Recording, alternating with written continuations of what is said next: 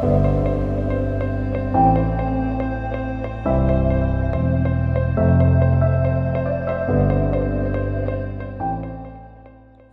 عليكم ورحمة الله تعالى وبركاته. يا أهلا وسهلا بكل الأصدقاء الأوفياء والمستمعين الأعزاء. أرجو أن يكون الجميع بألف خير إن شاء الله. معكم آية نجاح طبة في بودكاست نجاح بالتعاون مع منصة بودلاينز أين سنترافق وإياكم خطوة بخطوة حلقة بحلقة على درب النجاح.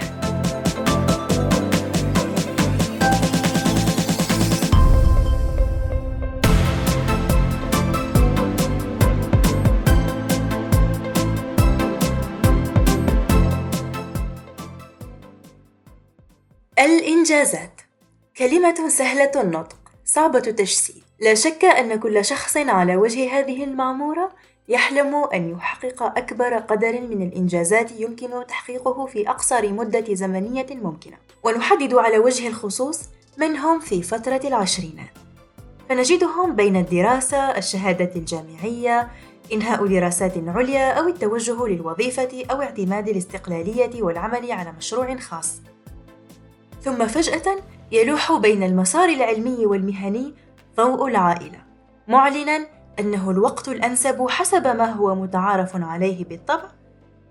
الزواج وبناء أسرة صغيرة. ومعها تكون قائمة مسؤوليات إضافية شقة مجهزة سيارة بالنسبة للرجال والكثير من المهام والواجبات التي يجب على الفتاة أن تتقنها. لأن الزواج في حد ذاته ليس بالإنجاز ولكن تأسيس أسرة قائمة بذاتها هو الإنجاز في حد ذاته. هذه الأمور نجد العشرينيين يتخبطون فيها. أيها سنختار أولاً؟ دراسة، عمل، وظيفة، زواج، أو نكمل هذه الفترة المرهقة. نائمين ونشاهد الزمن يسير بلحظات متسارعة دون أن نحرك ساكناً. في حلقتنا اليوم سنتحدث عن بعض هذه الإنجازات وكيف نرتبها؟ كل حسب أولوياته. انتظرونا بعد الفاصل.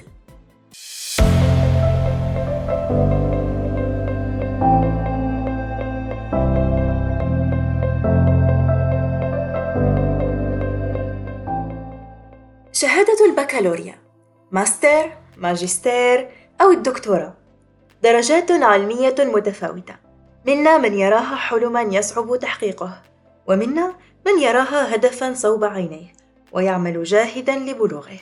ليزيدها لقائمة إنجازاته وهو أمر جيد ومحفز. لكن بعيدا عن نظرة أنها هدف ودرجات يجب تحقيقها فلننظر لها من زاوية معاكسة إذا ركزت على نيل الشهادة فقط ستصب جل اهتماماتك وقتك وربما مدخراتك خاصة إن لم تكن ذو دخل خارجي أو لك مصدر مالي آخر. وبذلك ستضيع أغلب الفرص التي كان من الممكن لك أن تنتهزها. وفي حال إذا رسبت أو لم تتحصل على الشهادة ستكون في دوامة مغلقة من الأسى. الذي كنت تعمل من أجله؟ انهار. ولن تستطيع الحصول لا عليه وعلى غيره في تلك الفترة المقاربة لفشلك وبعدها لن تفكر في أي إنجاز آخر لفترة لا بأس بها. لنعد الآن للجهة الأولى.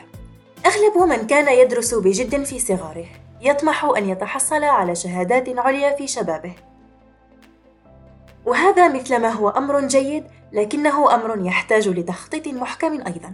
لذلك فالإنجاز الحقيقي ليس الحصول على شهادات عليا في أقرب وقت. وحصرا في فترة العشرينات.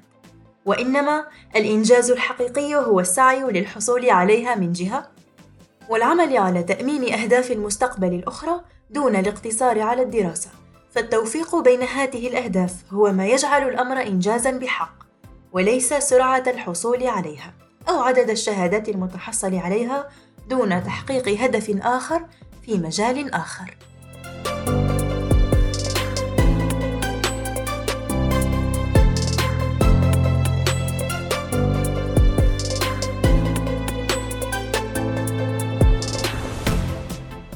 الزواج نصف الدين وهو رزق من أرزاق الله تعالى التي تساق لنا دون دخل لنا.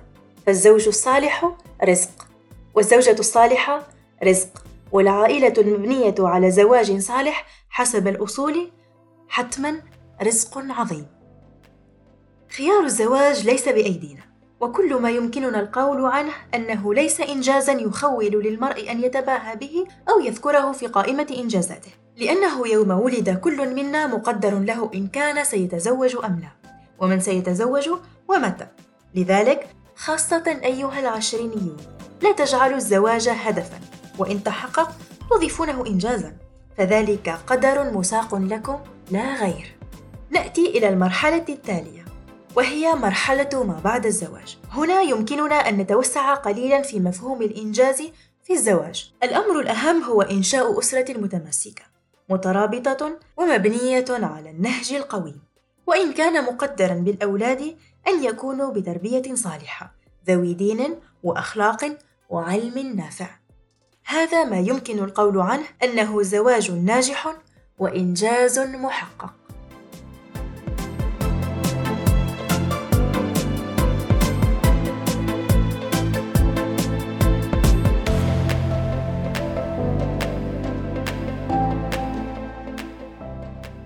الوظيفة العمل الحر والمشروع الخاص. كلها استثمارات في الوقت والجهد والمال الخاص لتأمين حياة مالية مستقرة. كلنا نطمح إليها. فلنبدأ بالوظيفة التي هي هدف وحلم أغلب خريجي الجامعات. أنهي دراستي أتوظف بمنصب حكومي أو خاص أؤمن به حياتي.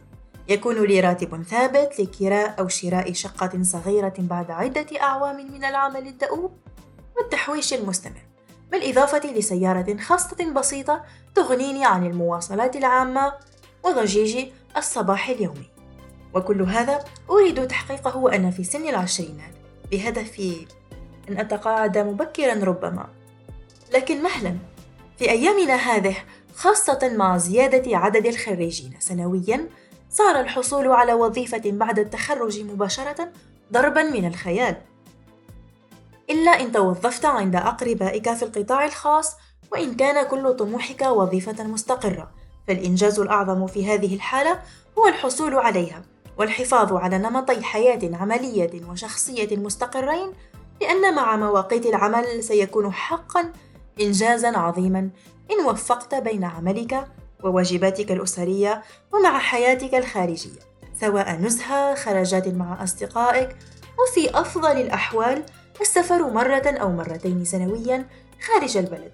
وبذلك يمكننا إضافة وظيفتك لقائمة إنجازاتك.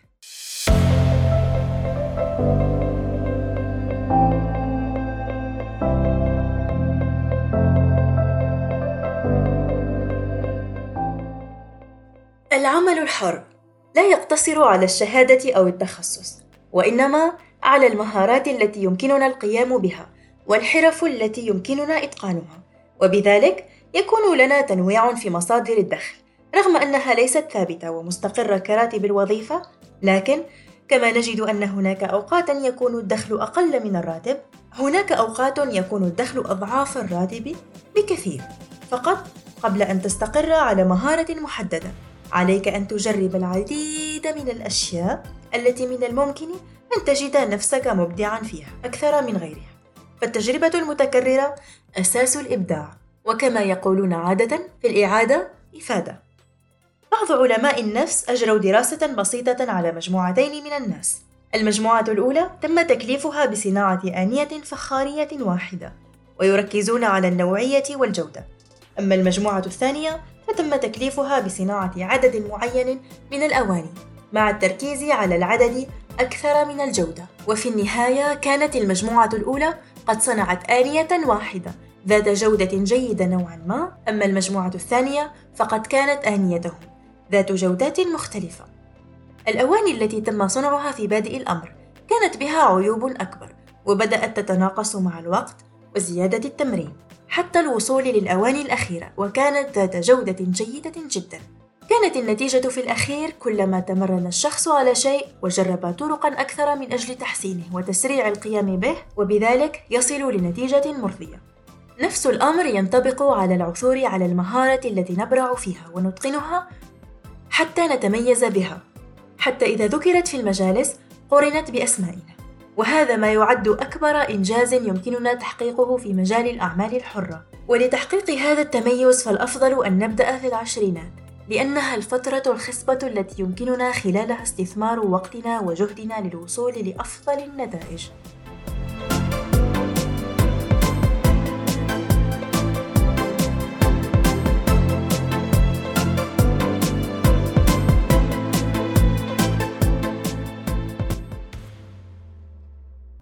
لنذهب الآن إلى النقطة الأخيرة في المجال العملي وهي المشروع الخاص أو كما يسميه البعض مشروع العمر. لن نتحدث كثيرا في هذا الصدد فهو أمر نسبي لا مطلق. يعتمد في غالب الأحيان على العديد من المهارات التي يمتلكها الفرد. وبحسن إدارته وتفكيره للقيام بالمشروع من العدم إلى التميز في فترة العشرينات الكثير منا يحلم بمشروع خاص ومزدهر ويدر عليه ملايين الدولارات لكن الأمر في حقيقته. ليس أن يحقق ربحا ماليا بقدر أن يحقق مشروعه مكانة سوقية محترمة وسمعة اقتصادية مرموقة.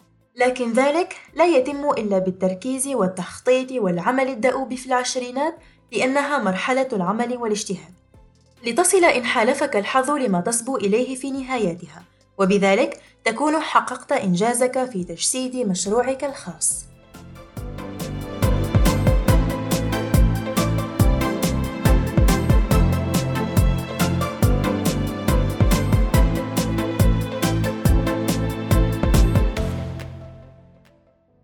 الإنجازات عموما أمر نسبي لا مطلق. تتغير من شخص لآخر وتتعلق بمدى الاجتهاد والمثابرة ابتداء من العشرينات. لنجد ثمارها في الثلاثينيات والأربعينيات. في ختام حلقتنا اليوم نصيحتي لنفسي ولكم. علينا ألا نجعل قائمة إنجازاتنا أكبر من طاقاتنا. وفي وقت أقصر من اللازم كي نتجنب خيبات الأمل ونحقق ما نريد. أتمنى أن يصل الجميع لما يريد تحقيقه ويصبو إليه. رحلتنا لم تنتهي في فترة العشرينيات بعد، لكننا سنأخذ استراحة بسيطة اليوم لنكمل رحلتنا مع محطة قادمة في حلقة قادمة مع بودكاست نجاح. لا تنسوا متابعتنا على منصات البودكاست Spotify، Google Podcasts، Apple Podcasts، أنغامي و SoundCloud. كما لا تنسوا متابعتنا على صفحات البودكاست على ال social media. ألقاكم بخير والسلام عليكم ورحمة الله تعالى وبركاته.